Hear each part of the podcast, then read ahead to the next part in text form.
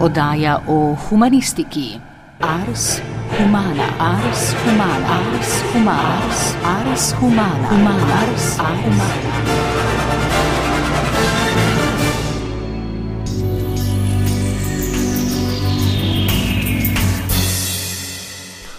Vprašanje, čemu oziroma komu služi umetnost, je staro toliko kot človek. Odgovori na nj pa so se spreminjali zaradi političnih, socialnih, ekonomskih in drugih družbenih sprememb. Kaj je značilno za te odgovore na omenjeno vprašanje in kakšen je odgovor na to vprašanje danes? Pa bi morda vi začeli, dr. Rogbenčin, prosim. Ja, um, to vprašanje se je zelo pogosto zastavljalo v obliki, čemu služi tisto, kar ne služi ničemur. Ne?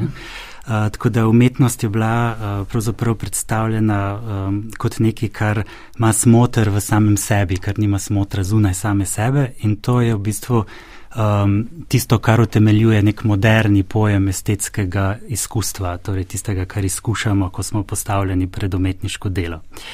Um, In zdaj, um, če umetnost čemu služi, tudi družbeno služi ravno prek tega, da v prvi vrsti ničemur ne služi oziroma je samo svoj namen.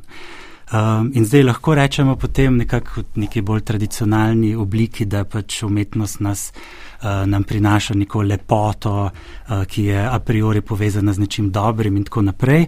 Po drugi strani, bolj sodobno pa lahko rečemo tudi, da nekako uh, nam odpira neke drugačne poglede na družbene problematike in tako naprej. Ampak to oboje je nekako mogoče, če se umetnost najprej vzpostavi vsaj na vides kot neko ločeno, avtonomno območje, ki prinaša neko uh, vase zaprto sfero nekega čutnega izkustva. In tudi, ko umetnost potem kasneje um, presega to svojo ločenost, ko odpravlja to ločnico, jo tudi na nek način predpostavlja v tem odpravljanju. Um, Torej, umetnost potem v tem smislu daje neke, neke drugačne okvire, zaznave, občutenja in tudi potem razmišljanja. Ne? In nas s tem začasno da v neko sfero ločeno od nekih vsakdanjih potreb in koristi. Um, po drugi strani se pa o tem vedno tudi razmišljalo, da ta ločena sfera vendarle je vseeno nek del družbe, ne? je družbeno producirana in tudi v družbi obstaja. Um, in na ta način, um, ko vzpostavljate neke alternativne okvire občutanja, razmišljanja in tako naprej, je to že uh, v bistvu nek drugačen pogled na to, kar nas obdaja, na družbo in tako naprej. Torej ima tudi prek te svoje ločenosti ravno neke družbene učinke. Um, In um, v tem smislu uh, so potem tudi um, prek tega drugačnega odnosa do stvarnosti, ki ga vzpostavlja, se je potem pogosto razmišljalo tudi o tem, da s tem že tudi nekako implicira neke drugačne oblike družbenih odnosov. Ne? Recimo že uh, v času razsvetljenstva in romantike se je to vzpostavilo, recimo uh, pri Šilerju konkretno, ne, ki je vzel ta nek kantovski okvir brezinteresnosti kot tisto, kar vzpostavlja estetsko sfero, ampak da ta brezinteresnost že v bistvu bistvu implicira neko globoko družbeno revolucijo prek teh druž, drugačnih oblik zaznavanja in prek tega uh, v bistvu ima uh, neko svojo družbeno vlogo ravno prek tega, da ne služi ničemor. Ne? Še o tem, kako se odgovarja na to vprašanje danes, morda?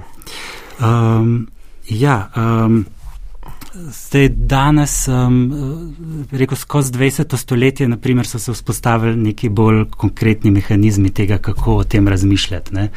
Um, in po eni strani se je o tem razmišljalo skozi nek, recimo, realizem, v smislu, da umetnost nekako um, daje um, nek globi v pogledu neke družbene antagonizme, um, protislovja in tako naprej. To je bil nek tak realistični model in seveda danes v sodobni umetnosti se to ne naravno na neke klasično realistične načine um, vzpostavlja, ampak skozi to, da sodobna umetnost nekako nas sooča z nekimi družbenimi problematikami na nek bolj neposreden način. Ne.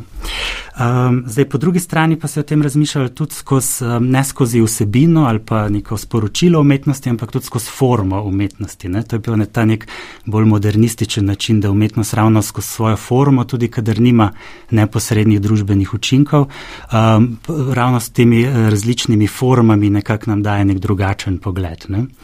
Potem pa je treba omeniti še neko tretjo paradigmo, recimo, ki izhaja iz avantgard, kjer pa umetnost aktivno nekako ukinja svojo estetsko distanco in nekako neposredno intervenira v družbo. Ne? In tudi tega imamo danes zelo veliko, ne? tudi skozi recimo participativno umetnost, artivizem in tako naprej. Ne? Um, zdaj, čisto sodobnosti, mogoče, če zaključim z nečim splošnim. Um, bi rekel, da kar danes nekako je najširše nekak družbeni pogled na umetnost nekih recimo demokratičnih družbah je, da se predpostavlja, da je to neka uvrednota, ki je del neke demokratične odprte družbe. Ne? To se zelo pogosto reče, ampak to doskrat nima neke konkretne vsebine. Ne? In potem se zelo pogosto zdrsimo pa v neke druge, um, bi rekel, no, skrajnosti ali pa neke drugačne poglede. Zdaj po eni strani na to, ah, se umetnost res ničemer ne služi, zakaj to sploh financirati, to so neki lenuhi, levičari, ne vem kaj. Uh, po drugi strani pa imamo ta um, bi rekel, bolj utilitarni model, potem, da mora umetnost nekako upravičiti svoje družbeno financiranje in prek tega pol pridemo do tega pojma družbenega učinka, o katerem bomo danes več govorili. Torej, da umetnost bodi si ima neke ekonomske, bodi si družbeno vključevalne učinke in tako naprej. Skratka, kar pa ima tudi potem lahko že neke neoliberalne, um, recimo, konotacije, da pač umetnost mora nečemu služiti, da upraviči svoj denar in tako naprej. Ne? Tako da iz tega nekega splošne vrednote umetnosti potem lahko zdrsimo na ta oba pola, ker ima lahko tudi, mislim, po eni strani dobre učinke, da umetnost razmišlja o teh stvarih, po drugi strani pa tudi neke kvarne učinke, o čemer bomo danes eh, tudi govorili. Še smo pri vprašanju, čemu oziroma komu služi umetnost, doktorica Iva Kozmos, kako pravzaprav reagirati na tako vprašanje oziroma kakšen odgovor bi vi podali. Hvala za to vprašanje. E, mislim, da pravzaprav uh, ne bi podala odgovor. Jaz bi se ukvarjala z vprašanjem samim. In s tem se tudi ukvarjamo v tej knjigi. Mi uh, v zborniku, uh, ki smo ga izdali, ki se ukvarja z pojmom družbenega učinka, pravzaprav ne skušamo določiti družbene učinke umetnosti, ampak skušamo določiti sam pojem. Odkot prihaja ta pojem, kdo ga je začel uporabljati, kdaj ga je začel uporabljati, s kakšnim namenom in kaj nam to sploh govori o stanju, kako mislimo umetnost danes. In pravzaprav mi je všeč, da ste naslovili uh, to vprašanje prav v obliki čemu ali pa komu služi umetnost, ker mi lahko govorimo tudi na različne načine o razmerju med umetnostjo in družbo in se nam pri tem odpirajo različne perspektive. In zdi se mi, da je rok podal en res uh, lep širok uvod v to, kako lahko misliti razmerje med družbo in umetnostjo, v smislu, da po eni strani je to avtonomen del družbe, po drugi strani je to pa vendarle del družbe in ta dvojnost pravzaprav daje največji potencial umetnosti da istočasno misli alternative in sodeluje v nekih družbenih procesih. Uh, zdaj, če primerjam to, ta lep zgodovinski uvod s tistim, kar se dogaja danes, uh, vidim uh, eno razliko med pojmovanjem umetnosti skozi, ne vem, recimo procese preteklega stoletja in uh, pojmom družbenega učinka, s katerim se srečujemo danes. Uh, Zelo raznolika so bila gibanja, eh, zgodovinska, ki so na zelo raznolike načine mislila eh, svojo agendo, kaj narediti v umetnosti, od ne vem, političnega teatra, ki se mi zdi, da je en tak uh, najboljši, najbolj znan, najbolj odmeven primer uh, političnega aktivizma v preteklem stoletju, ki je imel zelo agendo, zelo jasno agendo, um, da bi pokazal na uh, neskladna razredna razmerja v družbi in izkoriščanje nižjih razredov, do ne vem, če gremo v naš prostor, do nacionalnih gibanj, da nimo začetka preteklega stoletja, ki so se takrat pojavljala še v svoji emancipatorični obliki in so skupaj z ne vem, nekimi nacionalnimi agendami nosila tudi uh, feministične agende, recimo takoj pomislim na uh, kulturno uh, dejstvovanje. Uh, um, časopisa Slovenka, pa uh, Zovko Kveder in tako naprej. No, da zdaj preidem nazaj iz teh konkretnih primerov. To so različna gibanja, ki so vedno mislila neko alternativo tistemu, kar je v tem trenutku bi bil nek status quo, bila neka uh, splošno sprejetna družbena struktura. Ko pa mi hočemo govoriti o družbenem učinku danes, pravzaprav ne govorimo o umetnosti, ki bi nudila alternativo, ampak bi radi, da umetnost znotraj družbe, takšne kot je, naenkrat začne konkretno delovati, nuditi neke rešitve, kot reče eden od teoretikov, ki jih citiram v knjigi, krpati luknje. Torej, ne iščemo od umetnosti, da bi iz, iskali alternativo, in to se mi zdi, da se vidi prav tako dobro v tem pojmu družbenega učinka, ki je. Um, ki izhaja iz politike javnega financiranja, bi pa rekla, da se pravzaprav lepo vidi tudi v slovenskem medijskem diskurzu, pa ne samo medijskem, bom rekla javnem, da ne bom zdaj krivila medije, ko večkrat hočemo od umetnikov, da nekaj konkretno naredijo, pri čemer se pa neko intelektualno delo, idejno delo, ki lahko ponudi kakšno alternativo, ne vidi kot delo. Tukaj se mi zdi razlika med um, mišljenjem uh, odnosa družbe in umetnostjo v preteklosti in danes. No in še Alma Selimovič, isto vprašanje, kako bi vi odgovorili, čemu oziroma komu služi umetnost? Um. Ja, intuitiven odgovor je seveda, da ničemor, ne? da ne sme služiti, no? da um, ni tu zato, da služi čemorkoli. Um, ampak seveda je to tako kot je bilo skozi zgodovino vprašanje brez odgovora, tudi zdaj vprašanje brez odgovora. Um, jaz mislim, da um, je mogoče včasih uh, uh, tukaj tudi problem nekih velikih pričakovanj, ko govorimo o socialnem učinku konkretno. Ne, uh, Um, imamo in neka konkretna pričakovanja, torej kaj naj bi ta socialni učinek bil in recimo na našem terenu so ta pričakovanja včasih zelo konkretna, ne vem, a bo delavnica opismenila ljudi, a bo polnomočila določeno skupino, ki se je odločila. Po drugi strani so pa tudi konceptualno lahko zelo totalna, ne, ta pričakovanja, ne vem, bo umetnost naredila revolucijo, bomo prepričali odločevalce, da je okoljska kriza imanentna, uh, bomo sprožili neke velike družbene spremembe, bomo zrušili kapitalizem. Ne? Seveda uh, umetnost ne intervenira v družbo, ampak je del nje, ne? neprestano. Skratka, zelo dialektičen odnos in jaz mislim, da imamo tudi uh, kulturni producenti na tem področju do tega vprašanja tako zelo dvojen, uh, lahko bi rekla schizofreno, ampak da mora reči večplasten odnos. In sicer hkrati umetnost branimo pred tem, da bi mogla služiti, torej poskušamo ohranjati nek teritorij avtonomije za umetnike, torej da lahko ustvarjajo v nekem prostoru brez konkretnih zahtev oziroma da lahko sledijo nekim svojim lastnim impulzom ali pa željam ali pa motivacijam. Po drugi strani pa seveda si želimo, da bi to, kar produciramo, imeli neke konkretne pozitivne učinke. Ne? Ali si to želimo zato, ker pač uh, so to financerske zahteve, to je zelo pogost očitek, ampak jaz mislim, da ni samo to, da si tudi mi preprosto kot ljudje želimo, da bi stvari, ki jih delamo, imele pozitivne učinke. Ne, uh, ne nujno konkretne, ampak uh, da, da bi ustvarili neko pozitivno spremembo v okolju. Ne. Um, jaz mislim, da je ta pozicija dvojnosti uh, konstruktivna in da je v bistvu uh, zelo dobro, da kot nekdo, ki dela na polju umetnosti, branimo te obe poziciji. Torej, da omogočamo prostor za oboje in da to niso uh, procesi, ki so ekskluzivno eno ali pa drugo, ampak da so to hkratni procesi. Torej, mislim, da je hkrati obramba avtonomije že producira pozitivne učinke in mislim, da tudi to, da si želimo delati dobro in imeti nek socialni učinek, ki je pozitiven, hkrati brani avtonomijo umetnosti. Ne. Zdaj, um, ko govorimo o socialnem učinku, mogoče bo uh, Iva več povedala tudi o neki genealogiji termina, pa o tem, kako ga danes razumemo. Um, mislim, da si moramo tudi nekako osebno ustvariti uh, nekaj, kaj v bistvu ta pojem je za nas. Recimo, meni osebno je zelo blizu ideja nekega opolnomočenja, kadar hočemo govorimo o socialnem učinku, torej ideja tega, da skozi umetniške procese vzpostavljamo zavedanje politične, družbene moči v subjektih oziroma čist preprosto učenje, da imamo lahko na stvari vpliv. Te procesi so zelo pogosti v umetniških procesih. Izjemno pogosti so pri kulturno-umetnostni vzgoji, ki je nek tak direktno polje tega, da se mlade uči o umetnosti, eh, da doživljajo umetnost in pa seveda, da umetnost direktno tudi uporabljamo kot orodje. Ne.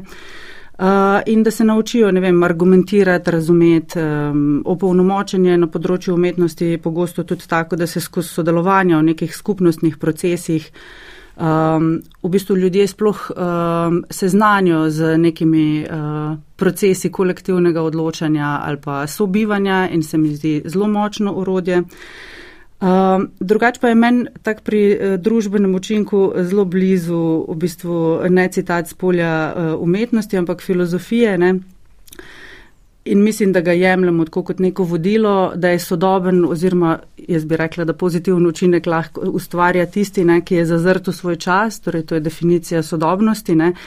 Ampak ne zaznava svetlobe, ampak temo. In tukaj bi jaz rekel, da se to pogovarja s to neko pozicijo v družbi. Ne? Torej, uh, smo, razumemo svoj svet, poskušamo delovati, ampak se zavedamo, vse kar ni v redu. Ne? In se mi zdi, da mogoče že zavedanje tega, kakšno stanje je, kar je pogosto tudi, se mi zdi, neka motivacija umetnosti, da ponuje. Neke upoglede v realnost, ki jo živimo, uh, da je lahko zelo konstruktivna pozicija. Dr. Rok Benčin, morda ob tem vprašanje, kdaj pa se pravzaprav pojavi ta termin družbeni učinek znotraj umetnosti, kdaj se je pravzaprav začelo o tem govoriti?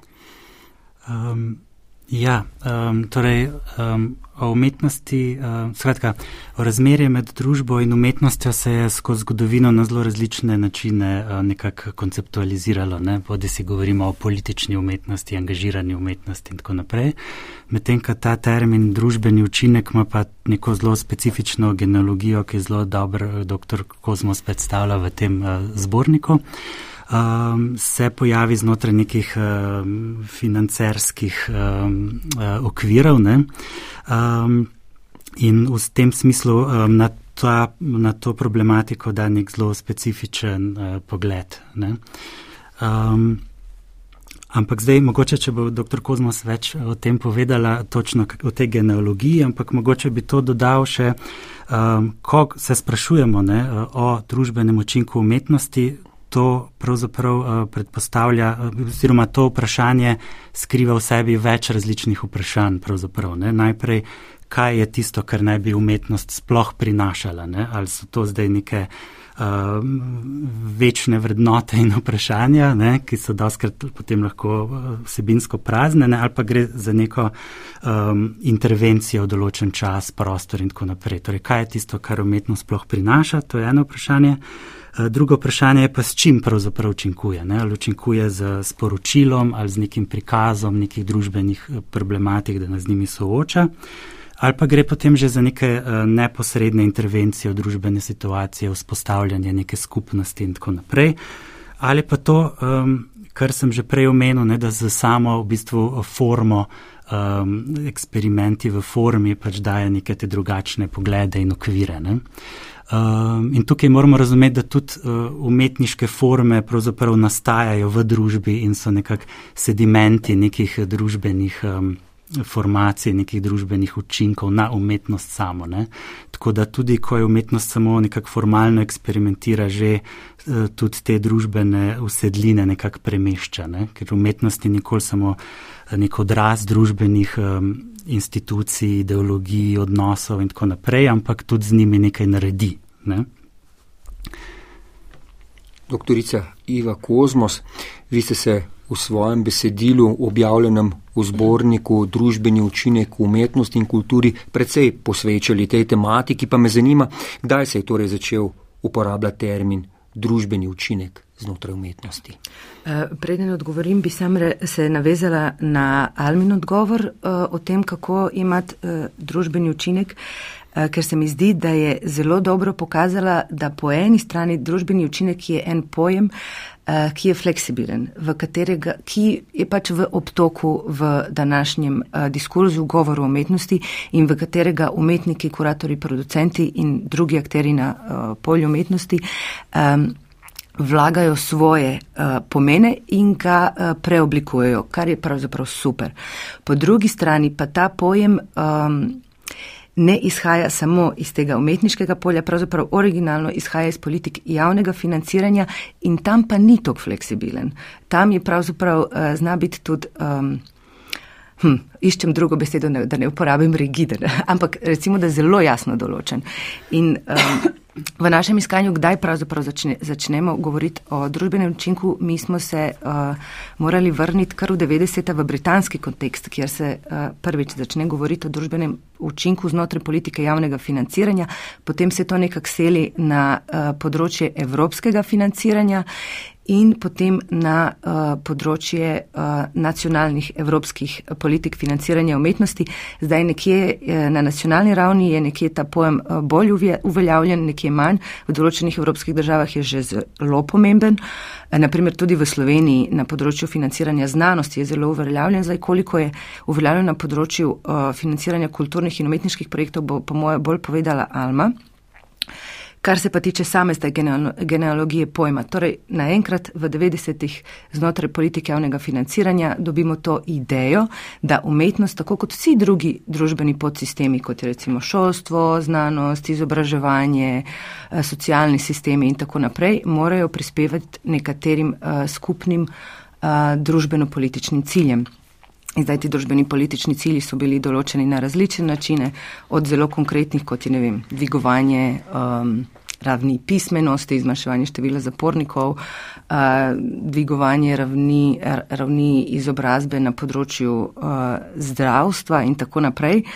Um, Do današnjih, ko bi mogoče rekli kot neki splošni družbeni cilji, so recimo enakopravno spolov ali pa zeleni prehod ali pa karkoli.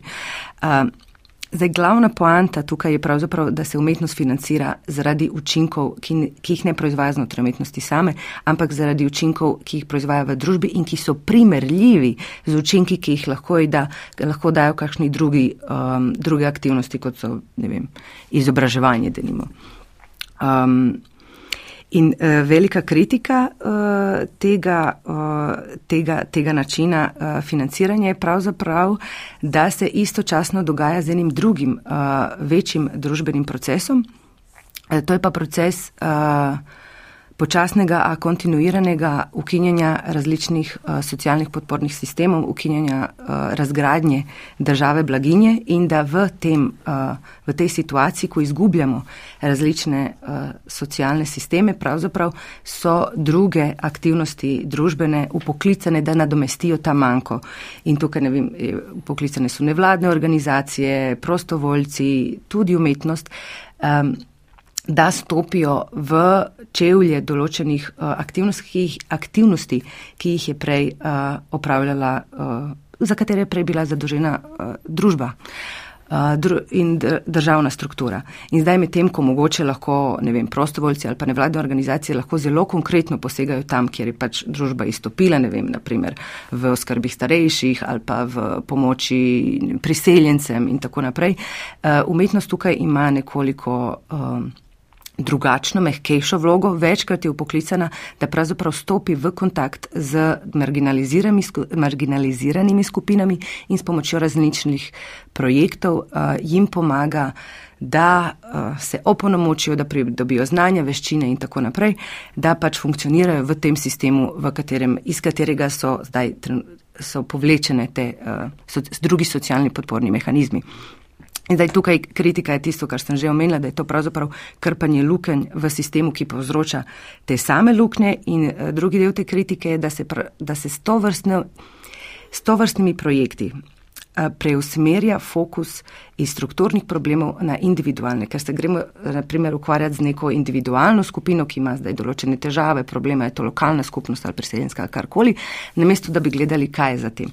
In zdaj hočem uh, samo še to um, naglasiti, da zdaj seveda jaz ne morem, uh, s tem ne opisujem vseh projektov, ki nastajajo znotraj um, recimo pojmovanja družbenega učinka znotraj financiranja projektov, ki se ukvarjajo z družbenim učinkom, ampak da sama idejna zasnova tega, kako naj bi umetnost delovala, um, ima to vrstne tendence.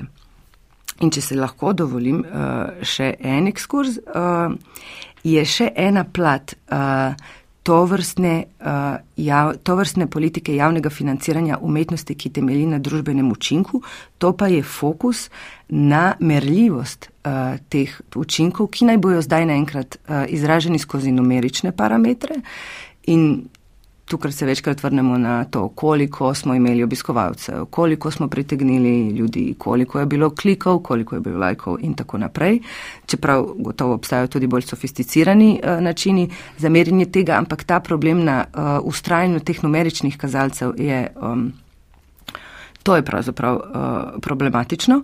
Uh, in uh, drug, drug aspekt uh, tovrstnega uh, javnega financiranja umetnosti in potem tudi snovanja umetniških projektov je inzistiranje na uh, nadzoru teh projektov, ker seveda to so zdaj projekti, ki naj bi ustrezali uh, drugim, vsem drugim projektom na državni ravni, ki naj bi dali določene učinke in mi bi jih morali nadzorovati, oni naj bojo optimizirani, naj dajo čim bolj jasne učinke. To pomeni, da morajo biti vnaprej zelo jasno planirani, da morajo biti po fazah, da, jih, um, da moramo dati poročila, da financer, ponavadi je to ne vem ali nacionalna raven, na nacionalni ravni ali pa na ravni Evropske unije, da morajo, uh, ti projekti morajo biti sledljivi.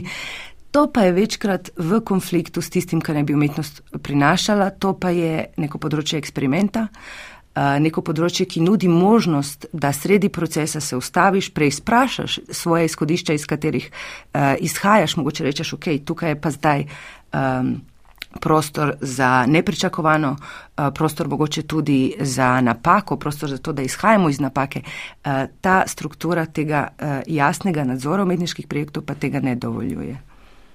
Alma Selimovič, še morda pod vprašanje. Ko govorimo o družbenem učinku umetnosti, kot smo lahko slišali, nekako ne moremo mimo financiranja umetnosti danes. Ali le to dejansko vpliva na umetnost samo in če na kakšen način? Ja, absolutno vpliva. Če nadaljujem od Ive, zdaj mi producenti se recimo z, s terminom uh, socialni učinek uh, srečamo v bistvu že v 90-ih in v 2000-ih, ko nam britanski kolegi recimo um, pač predstavljajo svoje kulturne politike, srečujemo strokovnjake iz tega področja. Uh, jaz mislim, da je britanska kulturna politika bila prva, ki je bila zelo eksplicitna pri doseganju socialnih učinkov umetnosti. In v Veliki Britaniji je že v postečerjevskem času so zelo dobro poznali to, kar recimo zdaj um, je zelo jasno postavljeno v evropski kulturni politiki. Torej, umetniške aktivnosti izvajajo javne politike, dosegajo cilje javnih politik z izvajanjem umetniških oziroma kulturnih projektov. Um, seveda je bil to jasen odziv na pač eh, neko drobljenje socialne države, na drobljenje nekih drugih podsistemov, ki niso več delovali.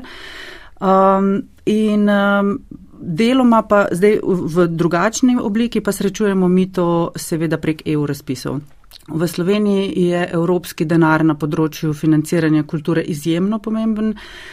To ni samo denar, za katerega kulturne organizacije apliciramo direktno prek centralnih razpisov, torej denar, ki se delu, deli v Bruslu, ampak ima tudi slovenska država mehanizme deljenja evropskega denarja. Zdaj, eh, v Sloveniji živimo pač v sistemu, kjer se strinjamo na nek način, da imajo ljudje potrebo po umetnosti in kulturi in da za pogoje, za zadovoljevanje te potrebe skrbi država.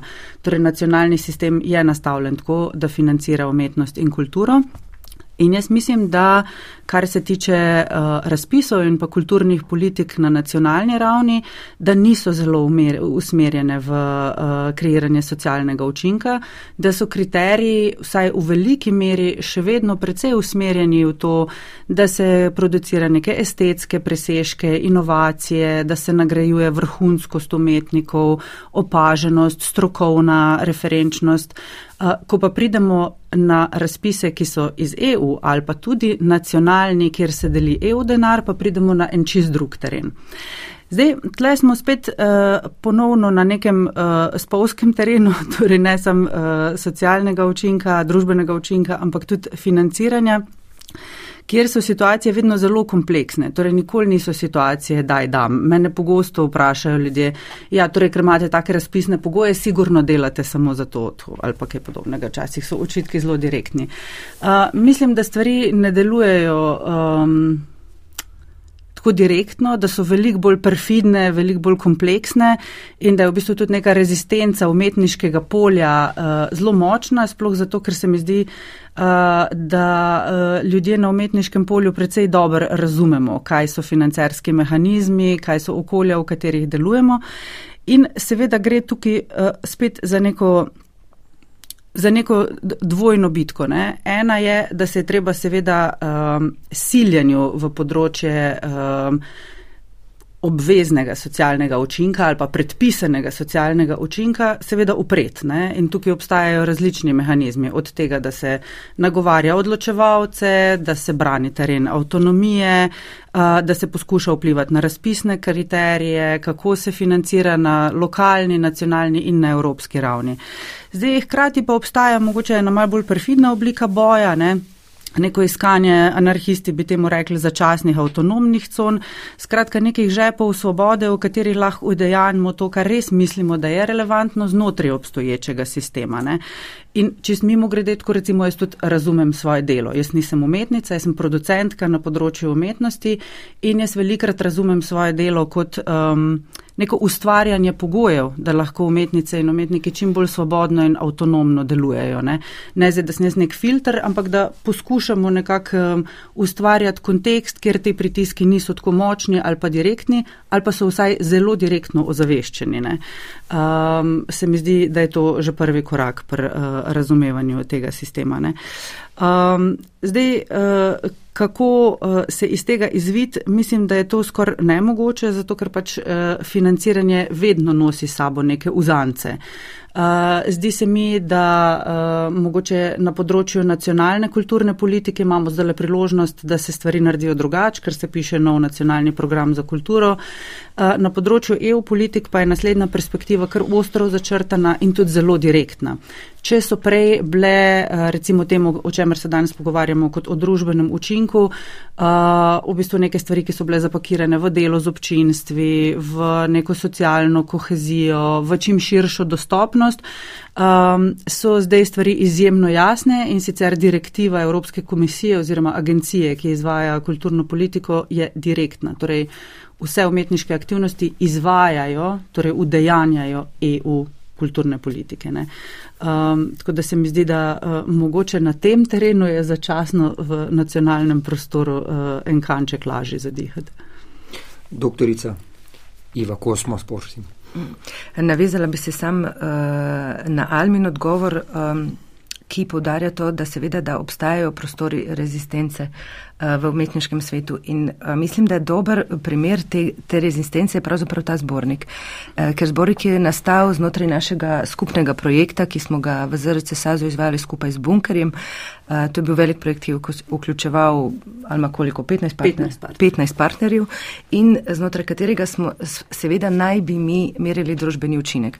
Ampak še vedno, res je, še vedno obstaja manevrski prostor za to, da smo se ustavili, da smo rekli, ok, ne bomo ponotranjili logiko financerjev, ampak se bomo vprašali, kaj pravzaprav sploh družbeni učinek je, kaj sabo prinaša, ali ga se sploh da meriti. Um, tako da ja, absolutno obstaja pro, manevrski prostor. Uh, i, i, Bi pa dodala še to, da mislim, da ne moremo uh, vedno računati na uh, to, da bojo akteri sodelujoči v vem, kulturnem polju in tudi znanstvenem polju humanistike, kjer je družbeni učinek prav tako prisoten, uh, da bojo vedno uh, rezistirali temu. Mislim, da je tem, da je vedno treba ustvarjati na tem, da se spreminjajo sistemski in infrastrukturni pogoji našega delovanja, ki nam bojo dali uh, več svobode. Ker enostavno ne moreš na vsak projekt odgovoriti s tako rezistenco. Včasih se znotraj svojega delovnega uh, okolja, pa mislim, da je enako in v področju kulture in področju. In na področju humanistike, včasih se pa tudi prepustiš tendencam, ki prihajajo um, od zgoraj. Doktor Rok Benčin, morda se še vrnemo nekako k temu, kar je že povedala doktorica Iva Kosmos, namreč o tem, zakaj je problematično merjenje družbenega učinka umetnosti, kaj bi k temu više dodali. Ja, ko govorimo o družbenem učinku umetnosti ali pa tudi znotraj drugih teoretskih okvirov političnosti ali pa angažiranje umetnosti in tako, se pogosto predpostavlja nek tak vzročno-posledični niz. Ne? Torej, nekaj vidim, ko vidim umetniško delo, na podlagi tega, kar vidim, si ustvarim neko razumevanje o neki konkretni situaciji. In to razumevanje me pol uspodbudi, da se tudi nekako aktiviram, da spremenim neke svoje navade, da, um, da postanem uh, drugačen človek in prek tega uh, tudi nekako pride do nekega aktivacije gledalcev in tako naprej. Um, ampak sveda v tem vzročno-posledičnem nizu je precej tudi enih uh, luken ali pa zastojev ali pa nekih nejasnosti. Ne? Um, zdaj, um, ker že to, kar vidimo, ne, pač vsak človek, uh, ko pristopamo k umetniškem delu, pristopamo k njemu že skozi neke svoje uh, navade ali pa skozi neke ideologije in tako naprej, skratka skozi neke vnaprejšnje okvire. In to pomeni tudi, da različni ljudje različno nekaj vidimo, ne, tudi če je ista stvar. In potem seveda to tudi drugače razumemo. In potem tudi ni nujno, um, da nas bo to na nek določen način aktiviralo, ali pa vsaj ne na način, kot je bil mogoče zamišljen v samem umetniškem delu. Ne? Skratka, ta vzročno-posledični niz ima veliko enih takih uh, con nejasnosti. Ne? Um, ampak mislim, da tisto, kar je, kar, to seveda pa ni argument proti družbenemu učinku, proti politični umetnosti ali kaj takega, sploh ne. Uh, gre ravno za to, da je neka nepredvidljivost v, v tem učinkovanju, ne? neka nepredvidljivost med tem, kaj je bilo mišljeno skozi umetniško delo in kaj, kakšni bodo uh, učinki in kakšna je neposredna reakcija ljudi uh, in gledalcev na to. Ne? In se mi zdi, da tisto, kar je zanimivo pri umetnosti, tisto, s čimer umetnost, pa ne bo politična, socialna, kakršna koli že, participatorna in tako naprej, vedno mora s to neko nepredvidljivostjo učinka, nek, s to nepredvidljivostjo nekaj narediti. Ne? In to je tisto, kar je zares zanimivo pri umetniških delih. Um, ker pogosto um, je tisto, kar pri umetnosti učinkuje, tudi ni samo sporočilo, ampak je v bistvu tudi to, da nas na nek način nekako zmede ali pa postavi pred nekaj, kar da pravzaprav nekaj vidimo, pa ne vemo pravzaprav, kaj gledamo. Um, in skozi ta, ta zmeda ima včasih še bolj konkretne, pravzaprav, čeprav se smešno slišimo, bolj konkretne učinke, kot pa to, kar nam je bilo nekako zapovedano, da si moramo zdaj o tem misliti, kar gledamo. Ne? In um, um, skratka, to je tisto, kar se mi zdi zelo pomembno, uh, ta nepredvidljivost uh, estetskega učinka in kako neko konkretno umetniško delo s tem deluje, um, uh, kaj iz tega naredi.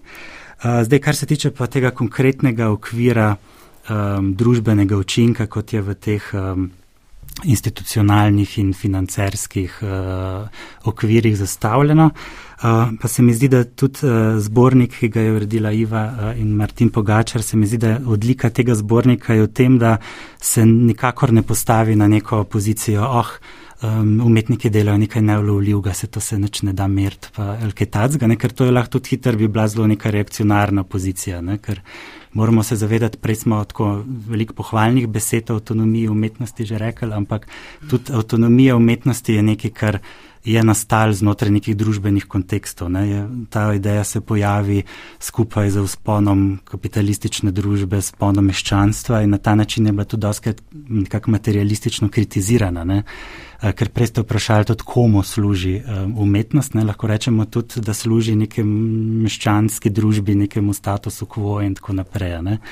In v tem smislu, da če zagovarjamo samo avtonomijo, pa se ne zavedamo, da ima ta avtonomija že sama po sebi tudi neke družbene status in neke družbene učinke, smo hitro lahko na neki defenzivni poziciji, ki ni več aktualna, ki ni sodobna in tako naprej.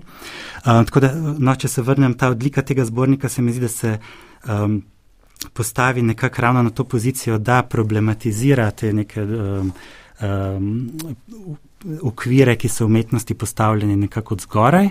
Um, to kritizira, hkrati pa tudi razmišlja o tem, kako Eh, znotraj prakse, znotraj same umetnosti se poraja ta potreba po refleksiji družbenega učinka. Ne? In skratka ne uh, zoprstavlja neulovljivosti umetnosti z nekim merjenjem učinkov, ampak vzpostavlja nekak te uh, top-down sisteme, um, ki so poveznjeni nad umetnost in po drugi strani to neko um, um, od uspodaj, kako umetniška praksa sama o tem reflektira in to se mi zdi odlika tega zbornika. Ne? Mhm. Doktorica Iva Kozmos, zanimivo je to, da je umetnost nekako vedno imela nek družbeni vpliv, tudi takrat, ko se pravzaprav tega vprašanja sploh ni zastavljalo. Ampak ob tem se seveda vprašamo, kaj pa je pravzaprav problematičnost tega merjenja družbenega učinka danes. Če govorimo spet o družbenem učinku kot nekem zelo jasnem konceptu, ki ga definirajo politike javnega financiranja, potem imamo zelo jasno definicijo, kaj naj bi to bilo. To naj bi bil dolgoročna sprememba v fizični realnosti. Torej obstaja predpostavka, da bo nek umetniški projekt dejansko imel neko dolgoročno spremembo, ki jo bomo zdaj numerično izrazili uh, v realnosti, v smislu, ne vem, zmanjšano število neizobraženih v določeni skupnosti, zmanjšano število nezaposlenih, karkoli. Eh, in s tako trdno britansko uh, definicijo, ki izhaja iz britanskega konteksta, na taki definiciji so nastala tudi zelo konkretna merjenja, ki so jih v britanskem kontekstu izvajale uh, privatne agencije. Torej agencije, ki so imeli za sabo tudi neko agendo, da bi pravzaprav. Um, Eh, dokazale, ne moremo reči, da so ravno bile eh, neodvisne, ampak so merjenja nastala z namenom, da se dokaže nek družbeni učinek. In imamo celo vrsto različnih merjenj, ki dokazujejo zelo različne učinke umetnosti, od, ko sem že prej omenjala, od tega, da se um, umetniški projekti lahko zmanjšujejo število zapornikov, eh, pa lahko zmanjšajo število neizobraženih, pa število nezaposlenih, pa karkoli je pač v določenem trenutku uh, v Britaniji bilo opredeljeno kot glavni cilj um, uh, družbene politike. Um, zdaj, uh, to vrstna merjenja so seveda doživela tudi svojo kritiko in nikakor uh, jih ne moremo kar tako uh, sprejeti in uh, ponavljati. Uh, obrazce, ki so nam dala, uh, ki jih lahko dedujemo iz uh, tega obdobja. In uh, tukaj obstaja, ta, tukaj obstaja celo, jaz mislim, da tukaj obstaja cela vrsta uh, problematičnih zadev. Od tega, kako so te agencije uh, zbirale ljudi, ki so jih anketirale in spraševale o družbenih počinkih umetnostih, od tega, kako so zastavljali vprašalnike, ki so bili zelo tendenčno narejeni, od tega, kako so zbirale podatke. Ampak to so vse rešljivi. Problemi. Pravzaprav obstajata tukaj dva nerešljiva problema, zakaj se družbenega učinka, ki je tako definiran, ne da meriti. Prvo je to, da uh, praviloma so vse te raziskave bile narejene takoj po koncu umetniških projektov. Mi pa nimamo določeno, kaj je to dolgoročni učinek. Je to pet let, deset let, petnajst, dvajset, koliko?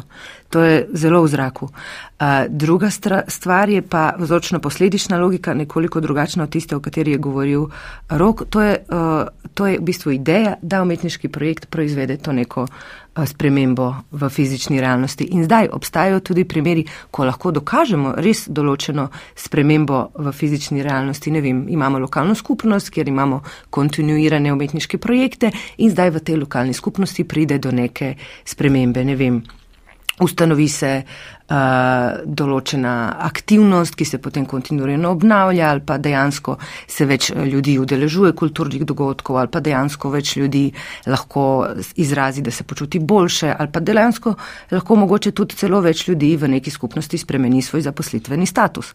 Ampak zdaj zelo težko je dokazati, da je to direktna posledica umetniškega projekta, zaradi tega, ker v neki socialni situaciji istočasno je soudeleženo toliko različnih faktorjev na različnih družbenih ravneh, od, vem, od umetnosti, od um, družbene strukture, od razredne strukture te skupnosti, od uh, politične atmosfere v tem trenutku. Tako da skoraj da nemogoče je dokazati, da samo umetniški projekt vpliva na neko družbeno spremembo in ne samo, da ne mogoče, jaz mislim, da je nepotrebno in nerealno, ker tukaj bi se vrnila na tisto, kar je Alma rekla, velik, prevelika pričakovanja, se, um, s katerimi se potem obremenjuje umetnost.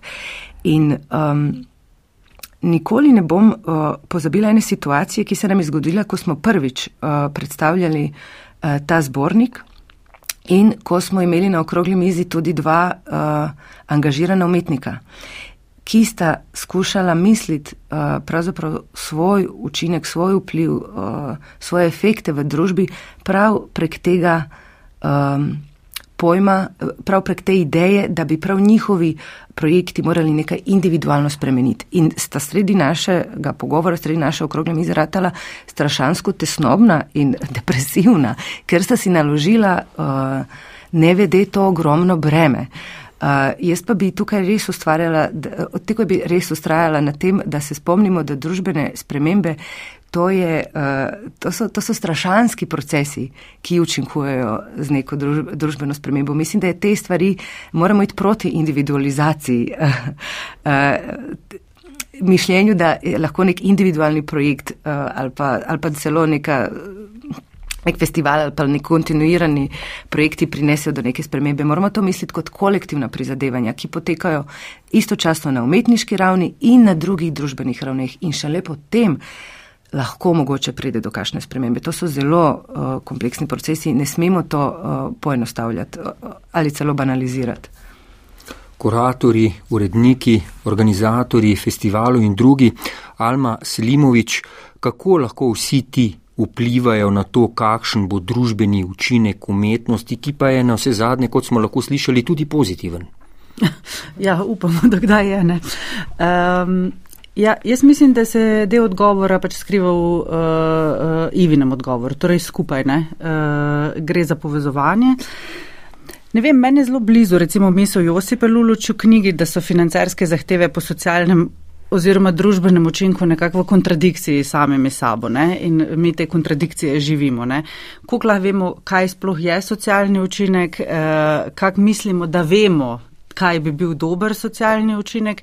In tudi recimo imamo nekaj konkretnih primerov tudi v tej knjigi, ko ljudje, ki so si prizadevali social, za socialni učinek, se naenkrat znajdejo v situaciji, kjer se zavejo, da mogoče pa ne vejo dobro, kaj je dobro za skupnost, v kateri delujejo, ali pa da mogoče bi mogli izstopiti iz te vloge, da si bi znali sploh predstavljati, kaj je za nekoga dobro. Najbrž ljudje sami za sebe vejo, kaj je za njih dobro.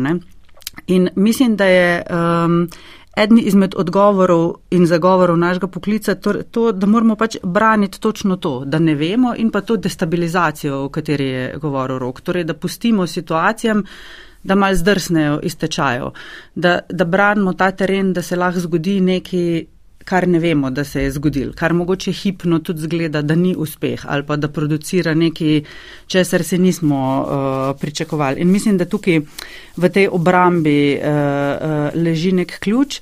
Uh, recimo, da ne bom sam hvala uh, umetnosti, ne, umetniki so z najboljšimi nameni, točno ta primer, ki ga je Iva prej razlagala, ne, uvajali umetniške aktivnosti v četrti, ne vem, to lahko včasih povzroči tudi gentrifikacijo četrti, ne, lahko so ti učinki uh, zelo nepredvideni in zelo nezaželeni. Uh, in mislim, da um, Obstajajo cela gibanja, ki so zelo direktna, kot je ne vem, gledališče zatiranih ali pa posameznike in posamezniki, recimo slovenska umetnica Marjetica Potrč, je po mojem svojem delom aktivno spremenila in izboljšala življenje ljudem v številnih skupnostih. Uh, tudi na širši družbeni sliki mi ne vemo, kaj bo sproduciral zaželen socialni učinek. Tako da se mi zdi, da je včasih zelo pretenciozno si predstavljati, da vemo, kaj bi z umetniškimi akcijami lahko naredili. Mi imamo cela politična in družbena gibanja, ki si prizadevajo za spremembe, pa v bistvu ne, ne dosežejo svojega. Ne. ne vemo, kaj bo naslednji povod za neko mobilizacijo ljudi ali pa za neko zelo veliko spremembo. Recimo predstavljali smo si, da bo mogoče COVID pa se nam zdi, da ni bil. Uh, mogoče bo kaj zelo banalnega, kot parkirne kazni, ali pa uh, mogoče bo pa kaj zelo velikega, kot uh, okoljski zlom. Mislim pa, da je tukaj, če pa se vrnem nazaj na teren umetnosti, um, mogoče treba biti. Um, Pozorn, pa biti pripravljen na takrat, ko neka iskra pride ali pa ko se nekaj zgodi, to podpreti. In se mi zdi, um, da je recimo na področju umetnosti naloga producentov podpreti umetnice in umetnike, gibanja, kolektive, ki mogoče še ne vejo, kaj bi radi ali pa kaj je to, kar bi radi naredili ali pa kaj to bo, kar bi radi naredili, ampak čutimo in se zavedamo, da so sposobni ustvariti nekaj novega, nekaj še nedoživetega, še nevidenega, nekaj, kar bo, kot smo rekli, ne vem, destabilizirali sistem ali pa mogoče inovirali na nek način. Ne. In se mi zdi, um, da, da tudi to je ena izmed definicij umetnosti, ne? torej da za razliko od kulture, ki nekako utrjuje naše vzorce in prepričanja, da umetnost je na svojem terenu in ustvarja družbeni učinek natančno takrat, ko v bistvu destabilizira kulturo, ko ustvari neko motnjo. Ne, uh, ne nujno nasilno motnjo ali pa agresivno motnjo, včasih so te motnje tudi sam tišine ali pa neke odsotnosti nečesa. Ne. Zdaj, meni se zdi, da na področju umetnosti, pa seveda tudi na vseh drugih področjih, je veliko nekih zanimivih poskusov, ki poskušajo ustvarjati ali točno te inovacije ali neke motnje. Recimo na področju gledališča imamo zadnje leta fenomen ekstremno dolgih predstav. Ne? Torej predstav, ki trajajo 6 ur, 8 ur, 12 ur, 2 dni. In se mi zdi, um, da je to mogoče eden izmed poskusov, kako neke skupnostne momente spremeniti v nekaj drugega. Naprimer, torej, ti gledalce ne zavežeš več klasični izkušnji, da pač pride ob 8, sedi do 9.30 in potem gre domov, ampak se more v bistvu strinjati s tem, da vstopi v neko dolgotrajnejšo skupno izkušnjo, ne, v neko drugačno skupno deljenje časa in izkušnje, ki je seveda zelo drugačna in veliko bolj intenzivna, kot mislim, ne nujno, no, ampak to je poskus, ne, kot neka kratka izkušnja. Uh, potem recimo na področju gledališča, pa mislim, da tudi um, drugih umetniških zvrsti je zelo uh, v trendu nek fenomen uh, procesnosti. Torej, upor temu diktatu produktov, ki so merljivi, ki so zelo jasni, torej naredili smo predstavo, videli je 5000 ljudi, ponovili smo jo 60 krat ne. Torej, poudarek na tem, da je vrednost ravno v umetniških procesih, kjer se raziskuje, eksperimentira, kjer ne pridemo nujno do nečesa, kar že vnaprej vemo, kaj bo. Ne. Recimo, jaz kot producentka se zdaj velikrat soočim z umetniki, s katerimi se, ne vem, dogovorimo, da bodo naredili predstavo, ampak na koncu ni predstave, ampak smo imeli en zelo dolg proces ali pa je na koncu inštalacija ali pa sprehod. Ali pa, skratka, zelo se mi zdi, poskušamo izstopati iz tega um, nekega utirjenega produciranja. Ne. Tudi recimo um, zelo velik um, umetniško polje je znano potem, da veliko reflektira samo sebe in se mi zdi, da umetnost tudi veliko eksperimentira z lastno vrednostjo. Ne. Naprimer, mi smo lani producirali predstavo, ki je bila v bistvu ustanovitev dražbene hiše v prizoritvene umetnosti. Torej, umetnica je zaostrila situacijo do samega konca in je ustanovila dražbeno hišo, ki prodaja predstave. Ne. Torej, vprašala se je, kaj je sploh naša vrednost in je monetizirala stvari do konca. Ampak v bistvu je na koncu iz tega nastala seveda dražbena hiša, ampak nastala je skupnost novih ljudi, ki so zdaj skupinski lastniki ene predstave. Tudi se mi zdi do zdaj še nevideno, ne? neka novo, nov skrbstveni model tega, kako se sploh ukvarjamo, seveda z umetnostjo, ampak seveda je to prispodoba vsega ostalega, kako skrbimo za stvari, stopamo v odnose okrog lastništva in to ne destruktivne odnose ali pa ne nujno individualistične odnose. Skratka, teh poskusov je veliko, zdaj, če bo kjer prelomen, ne vemo, ampak mogoče ravno ta multituda vsega tega bo uspela ustvariti uh, nek uh, družbeni učinek. Um, Če ne, pa vsaj moramo poskušati še naprej, se mi zdi. Ne? Ja, ta vaš odgovor me je napeljal k zadnjemu vprašanju, namreč počasi zaključujemo tole oddajo. Tako bi vas vprašal, kaj je tisto, kar je vas najbolj navdušilo, ko ste opozvali nek družbeni učinek umetnosti? Kater primer bi vi posebej izpostavili, kar izvolite, ali yes. na kratko? Uh, ja, moja profesionalna pot je pot tega, da vsakem razočaranju sledi en navdihujoč primer. Zdaj, če ne imenujem enega, moje osebno najljubše področje je kulturno-umetnostna vzgoja kjer v bistvu sodobno umetnost prinašamo mladim in se mi zdi, da tam vidimo, kako to deluje na vseh ravneh. Torej, dostopnost, da to prepeleš neki skupnosti, ki še ni imela stika z določenim formatom umetnosti in kako se, ne vem, eni generaciji lahko odpre eno novo polje. Po drugi strani pa seveda zaznaš neke individualno doživetje in premike, kjer se mogoče samo enem na vsako drugo generacijo odpre nov svet, človeka destabilizira, doživi temu, ne, ne vem, life altering experience, ne, torej neko doživetje, ki človeku spremeni življenje in ta človek pa tudi v družbi deluje drugače. Ne. Iva Kosmos, kater primer bi vi posebej izpostavili? Eh, zanimivo. Ehm, tudi moj primer se bo navezoval na um, mladostnike.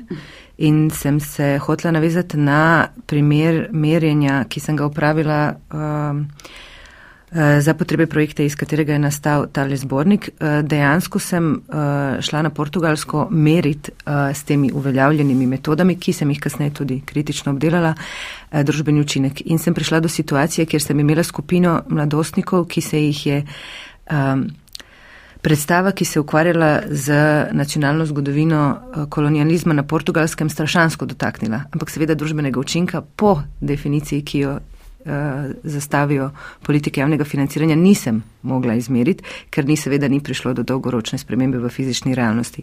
Sem pa imela pred sabo uh, prav dokaz, kjer, kje lahko umetnost uh, na drugi ravni učinkuje, vibrira in to je bil uh, moč umetnosti, da momentalno uh, ustavi.